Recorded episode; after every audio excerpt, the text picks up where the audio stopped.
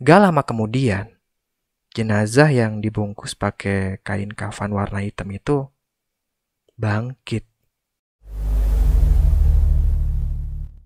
Selamat datang kembali di channel Sarang Demit dengan saya Mbah Rory. Terima kasih buat teman-teman yang udah mampir lagi ke channel Mbah.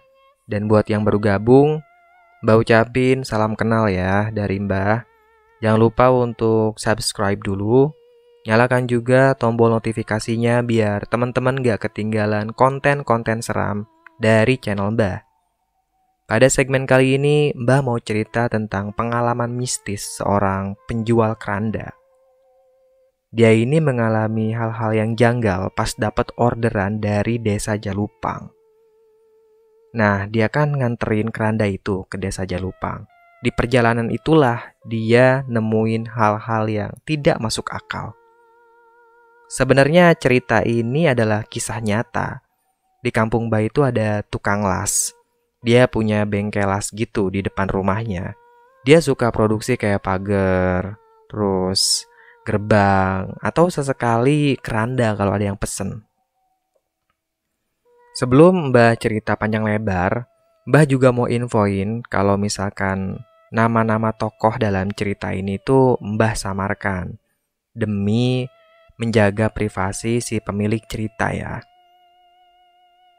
Kisah nyata ini Mbah tulis ulang dan ada penyesuaian dalam plot dan cerita.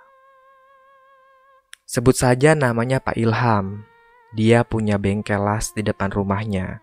Bengkel itu udah lumayan berkembang. Dia punya dua karyawan. Nama karyawannya itu si Sardi dan si Amprung. Sekitar pertengahan bulan Agustus, pesanan itu sepi banget. Cuma dapat dua pesanan, bikin pagar sama bikin ranjang tempat tidur. Hingga pada satu hari dia dapat pesan WhatsApp dari Ustadz Budi. Assalamualaikum Pak Ilham, masih ingat dengan saya? Saya Ustadz Budi. Saya mau pesan keranda ya ke Bapak, soalnya keranda di masjid saya itu udah rusak. Tolong kirim hari Jumat ya. Pak Ilham pun senang karena dapat orderan. Sebelum hari Jumat, keranda itu udah beres dan siap diantar. Pak Ilham berencana untuk ikut nganter keranda itu dan sekalian silaturahmi nih sama Ustadz Budi. Tapi Pak Ilham gak sendirian, dia ditemani dua orang karyawannya, si Amprung sama si Sardi itu. Amprung bertugas nyetir, sedangkan Sardi dia duduk di bak belakang ngejagain kerandanya. Dan Pak Ilham duduk di samping si Amprung. Mereka berangkat dari rumah itu sekitar jam 4 sore. Bukan tanpa alasan, soalnya kalau misalkan berangkat pagi-pagi, itu suka ada razia polisi Maklum, Pak Ilham dan dua orang karyawannya itu nggak punya SIM. Jadi kalau kena razia ya pasti ditilang. Perjalanan mereka itu sebenarnya baik-baik aja sebelum akhirnya mereka masuk ke daerah hutan lindung. Nah, jalannya itu aspal, tapi di kiri kanan banyak banget pohon-pohon besar dan itu bener-bener hutan yang jarang terjamah sama manusia. Tiba-tiba aja di tengah jalan ada sosok laki-laki muda yang umurnya kisaran 27 tahun. Dia pakai topi jerami dan bawa dua ekor kambing. Kayaknya sih dari penampilannya laki-laki ini adalah pengembala kambing. Entah kenapa si lelaki itu ngeberhentiin rombongan Pak Ilham. Dia melambai-lambaikan tangan di pinggir jalan. Amprung penasaran, takutnya kan laki-laki ini mau numpang. Nah, akhirnya Amprung berhenti di depan laki-laki itu. Kenapa, Pak? Tanya Amprung. Mau numpang ya? Oh enggak, saya enggak mau numpang. Saya mau tanya aja. Itu di bak belakang bawa apa ya? Tanya laki-laki itu. Oh kami bawa keranda nih pesanan dari pelanggan. Sardi yang jawab. Wah, keranda. Maaf ya, Pak. Itu tuh, bentar lagi di depan Bapak itu ada petilasan keramat. Nah, di petilasan keramat itu nggak boleh ada orang yang bawa keranda. Nanti ketulah. Saya cuma ngasih tahu aja ya pak. Mending muter balik lagi aja pulang. Kata laki-laki itu. Alah pak, zaman sekarang masih percaya sama tahayul. Begitu timpal Pak Ilham, dia tetap ngotot pengen nganterin pesanannya ini. Saya berani bersumpah pak, kalau misalkan bapak lewat sana, Setidaknya bapak itu bakal ngalamin hal-hal yang mengerikan. Kata si pengembala kambing itu. Timpal amprung kayak gini. Udahlah pak, jangan ngalang-ngalangin rizki orang. Kami ini lagi cari makan.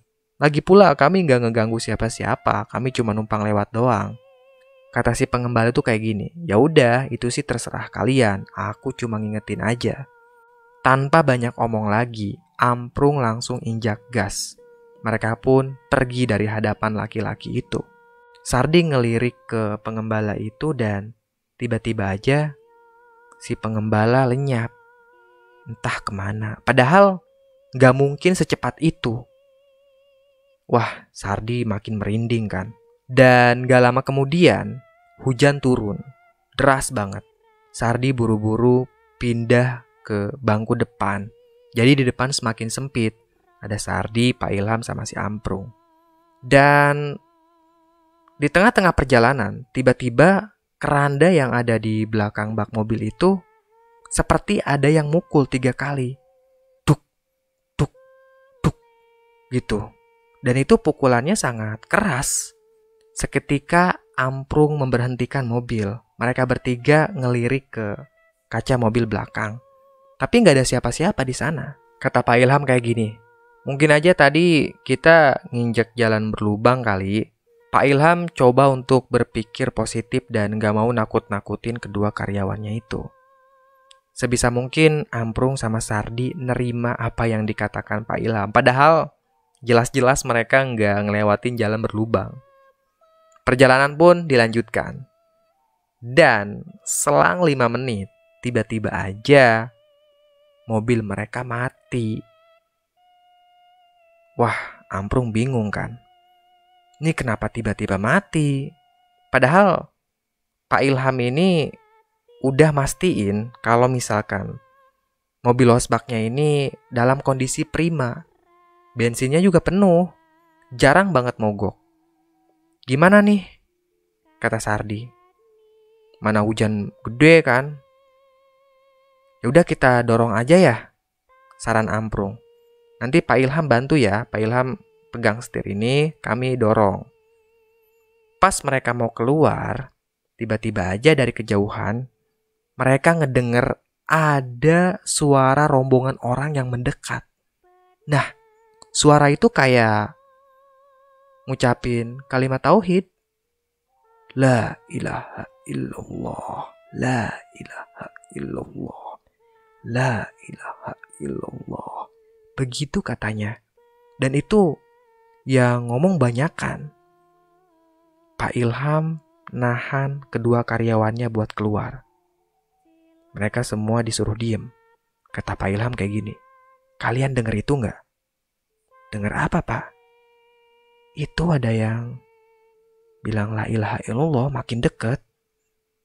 Nah, Sardi sama si Amprung kan uh, meruncingkan telinganya ya. Mereka juga nggak denger. Dan dari kejauhan, di depan mereka nih, kan hujan besar. Tiba-tiba aja muncul rombongan orang yang bawa keranda.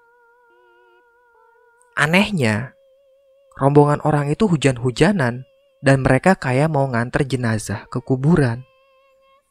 Wajah mereka pucat. Dan tatapannya juga kosong. Amprung, Sardi sama Pak Ilham diam seribu bahasa. Mereka mulai merinding. Anehnya, keranda yang rombongan itu bawa nggak seperti keranda pada umumnya, tapi ditutupin sama kain warna hitam. Si Sardi yang duduk di paling kiri, dia benar-benar ketakutan dan nutup mata. Tapi Pak Ilham sama si Amprung penasaran, rombongan itu mau ke mana hujan-hujan kayak gini. Semakin mendekat, rombongan itu semakin mengerikan. Wajahnya benar-benar pucat dan matanya itu putih semua. Gak ada corak hitamnya. Kira-kira 10 langkah ya dari mobil losbaknya Pak Ilham, rombongan itu tiba-tiba berhenti. Keranda yang mereka pikul diletakkan di tengah-tengah jalan. Mereka ngebuka kain hitam keranda itu dan tampak di sana ada jenazah yang dibungkus pakai kain kafan. Tapi kain kafannya juga warna hitam. Si keranda besinya itu dibuka dan mereka semua duduk sila mengelilingi jenazah itu. Entah apa yang mereka baca, ini bukan kalimat tauhid lagi tapi kayak mantra-mantra pakai bahasa Jawa. Dan itu benar-benar mengerikan. Gak lama kemudian, jenazah yang dibungkus pakai kain kafan warna hitam itu bangkit Amprung sama Pak Ilham benar-benar ketakutan. Amprung coba untuk nyalain mesin mobilnya berkali-kali tapi nggak bisa. Semakin lama, jenazah yang dibungkus pakai kain kafan itu berdiri dan menghadap ke arah mobilnya Pak Ilham.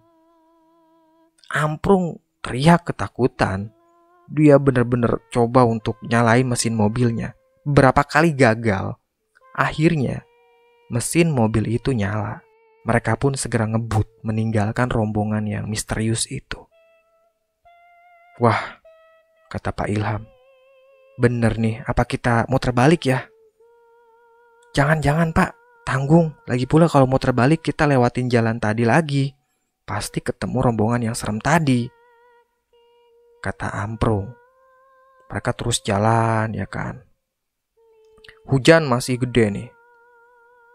Pas di tengah perjalanan, tiba-tiba aja keranda yang ada di belakang bak mobil mereka kayak ada yang ngegedor-gedor tiga kali sama kayak barusan. Tuk, tuk, tuk. Ini apa lagi sih? Kata Sardi. Ya ampun pak, kayaknya kita ketulah deh. Sardi makin ketakutan. Emang dari awal dia udah takut banget. Udah diem. Kita Jangan nengok kiri kanan, udah lurus aja cepet. Gas mobilnya. Tapi Sardi penasaran sebenarnya ada apa sih di belakang. Pas Sardi nengok ke kaca belakang mobil losbaknya. Kalian tahu apa yang dia lihat? Di mobil bak itu ada rombongan tadi beserta jenazah yang dibungkus pakai kain kafan hitam. Sardi nangis. Dia teriak ketakutan. Tapi Pak Ilham sama Amprung juga nggak berani nengok ke belakang. Mereka pura-pura nggak peduli aja. Dan malah semakin ngebut. Mereka akhirnya tiba di pertigaan. Si Amprung ngeberhentiin mobil. Dia nggak tahu nih harus ambil jalan ke kanan atau ke kiri. Soalnya udah lama banget Amprung nggak ke Jalupang. Dia tanya ke Pak Ilham, Pak, ini kita ke kiri apa ke kanan ya? Pak Ilham juga menggelengkan kepala. Dia juga lupa karena udah lama banget gak ke Jalupang kan. Sedangkan Sardi ditanya sama Amprung malah diem aja. Dia juga cuma ngelengin kepala.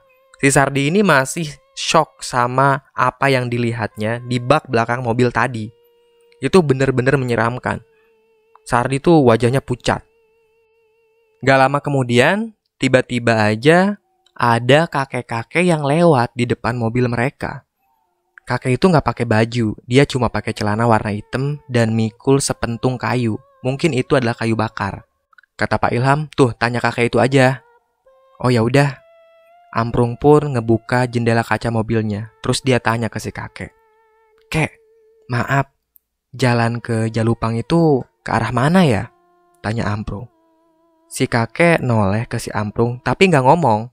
Dia cuman nunjuk ke jalan arah kanan. Si Amprung nganggap itu adalah jawaban. Terus dia nutup lagi tuh jendela kaca mobilnya. Tapi anehnya, setelah berjam-jam, mereka nggak kunjung sampai di Jalupang. Malah semakin masuk ke hutan lindung. Sejauh mata memandang tuh di pinggir jalan banyak banget pohon-pohon tua yang besar-besar.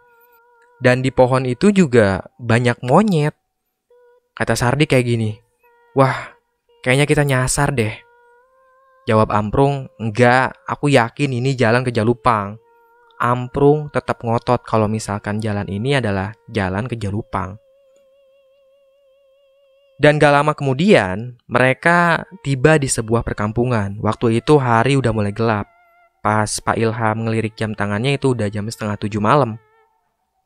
Perkampungan itu aneh banget. Soalnya gak ada satu orang pun di sana, sepi banget. Dan rumahnya itu masih gubuk, kayak rumah panggung yang atapnya masih pakai rumbia. Pak Ilham bilang ke si Amprung, Prung, pelan-pelan aja ya, takutnya nanti ada warga terus kita tanya apa bener ini jalan ke Jalupang. Si Amprung ngangguk. Saat itu hujan udah mulai reda. Dan bener aja, sekitar 200 meter kemudian, mereka ngeliat ada sesosok perempuan yang berdiri di depan rumah gubuk. Perempuan itu pakai kebaya warna hijau dan kain batik. Prung, tanya aja tuh ke cewek itu. Kata Pak Ilham. Udah gitu si Ambrung ngebuka kembali kaca mobilnya, terus dia nanya ke si cewek itu. Neng, maaf mau tanya, apa benar ini jalan ke Jalupang? Tanya Amprung. Si wanita itu enggak ngejawab, dia malah melotot ke arah Amprung, wajahnya pucet banget. Dan pas Amprung ngeliat ke bawah, kaki si perempuan itu Gak napak ke tanah. Ngambang. Amprung buru-buru nutup lagi kaca mobilnya. Dia berusaha untuk nyembunyiin rasa takutnya itu. Amprung gak mau nih ngebuat Pak Ilham sama si Sardi makin panik. Udah gitu, Amprung langsung ngegas mobilnya dengan kecepatan stabil. Gimana? Tanya Pak Ilham. Ceweknya gak jawab, Pak. Mungkin orang gila tuh. Timpal Amprung. Padahal dia benar-benar ketakutan. Nah, selang beberapa menit, keranda yang ada di bak mobil mereka tiba-tiba ada yang ngegedor lagi. Itu tiga kali gedoran. Tuk, tuk, tuk. Amprung, Pak Ilham, sama Sardi gak ada yang berani ngelirik ke belakang. Mereka tetap jalan aja. Mereka tahu pasti ada makhluk gaib yang ngeganggu mereka. 15 menit kemudian, entah kenapa, kaki Amprung itu kayak ada yang mengendalikan. Dia refleks, injak gas full, dan mobil itu melaju dengan kecepatan yang sangat cepat hingga tergelincir ke parit dan nabrak pohon beringin. Kap depan mobil itu ringsek. Tiga orang yang ada di dalamnya semuanya tak sadarkan diri. Sekitar jam satu dini hari, Pak Ilham dibangunin sama Amprung. Pak, bangun pak. Pak. Kepala Pak Ilham itu berdarah. Terus sikutnya juga luka-luka. Tapi Amprung sama Sardi kayaknya mereka baik-baik aja, nggak terluka dikit pun. Tanya Amprung, Bapak baik-baik aja kan? Pak Ilham masih meringis, dia menahan sakit. Ayo, Prung, kita lanjut jalan lagi aja kata Sardi. Anehnya, mobil losbak yang tadi nabrak pohon beringin pas dinyalain sama si Amprung itu mau nyala lagi. Kata Sardi kayak gini, Prung kita balik arah, ini kita bener-bener kesasar nih. Mereka pun balik arah. Kata Amprung, Pak, ini kita nyasar dan kita harus putar balik. Dan gak lama kemudian mereka sampai lagi di pertigaan. Kali ini mereka ngambil ke arah kiri. Selang beberapa jam, akhirnya mereka tiba di kampung Jalupang. Itu sekitar jam 3 dini hari ya. Semua penduduk di sana masih tidur, termasuk Ustadz Budi. Kata Pak Ilham, kita istirahat dulu aja ya di masjid. Nanti subuh kita hubungin Ustadz Budi. Amprung sama Sardi nurut aja. Mereka turun dari mobil dan masuk ke masjid. Gak kerasa ternyata mereka tertidurlah di masjid itu. Dan pas azan subuh, Ustadz Budi ngebangunin Pak Ilham. Pak, bangun pak. Subuh. Bapak kenapa? Kok berdarah? Tanya Ustadz Budi. Iya pak, habis kecelakaan semalam. Tapi karyawan saya ke mana ya? Pak Ilham heran kenapa kedua karyawannya itu hilang. Dan anehnya, mobil losbak yang terparkir di depan masjid itu juga hilang. Mungkin karyawan bapak udah pulang duluan kali. Jawab Ustadz Budi. Pak Ilham bingung kenapa kedua karyawannya itu tiba-tiba ninggalin dia. Ustadz Budi pun ngebawa Pak Ilham ke rumahnya untuk dirawat. Dan sekitar jam 8 pagi, Ustadz Budi nganterin Pak Ilham untuk pulang. Setibanya di rumah, Pak Ilham bener-bener kaget karena mobil losbak yang tabrakan semalam udah terparkir di depan rumah Pak Ilham. Mobil itu kondisinya ringsek. Dan dari pintu rumahnya, Istri dan kedua anak Pak Ilham ini lari ke arah Pak Ilham dan memeluknya sambil menangis. Kata istrinya kayak gini. Syukurlah Bapak selamat. Kami nyari-nyari Bapak dari semalam. Pak Ilham bingung, emang ada apa? Sardi Pak, Sardi sama Amprung meninggal. Hah? Meninggal? Padahal kan semalam mereka nganterin Pak Ilham ke Jalupang. Ah yang bener kata Pak Ilham. Bener pak, mereka udah meninggal. Pas Pak Ilham ngelirik ke jalan, ternyata ada bendera kuning di sana. Buru-buru Pak Ilham lari ke rumahnya si Amprung. Dan tepat di ruang tengah rumah Amprung itu, si Amprung udah terbaring di sana. Dia udah dikafani. Dan memang kedua karyawannya ini meninggal pas kecelakaan. Sementara yang nganterin Pak Ilham ke Jalupang itu adalah rohnya dari Amprung dan si Sardi. Roh dari kedua karyawannya inilah yang menyelamatkan Pak Ilham dari gangguan makhluk gaib.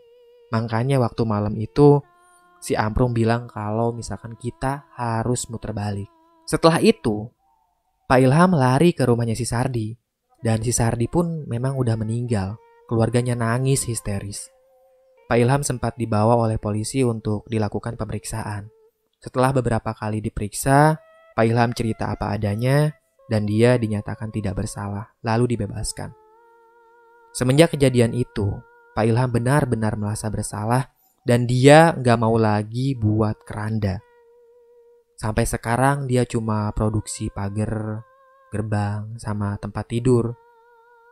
Kalau misalkan ada pesanan keranda, Pak Ilham selalu nolak.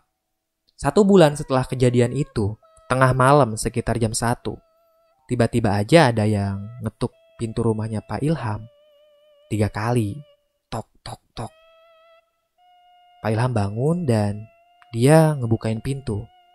Pas dia buka pintu, betapa terkejutnya Pak Ilham ngeliat ada keranda di depan rumahnya. Dia masih ingat itu adalah keranda yang pernah ia buat dan dia antarkan ke Jarupang. Entah kenapa keranda itu pulang lagi. Wah, Pak Ilham benar-benar berdecak kesal dan keesokan paginya dia menghancurkan keranda itu. Besi-besinya dia buang ke tempat sampah. Pak Ilham benar-benar kapok ngejual keranda. Mungkin hanya itu aja ya kisah dari si penjual keranda yang memang menakutkan.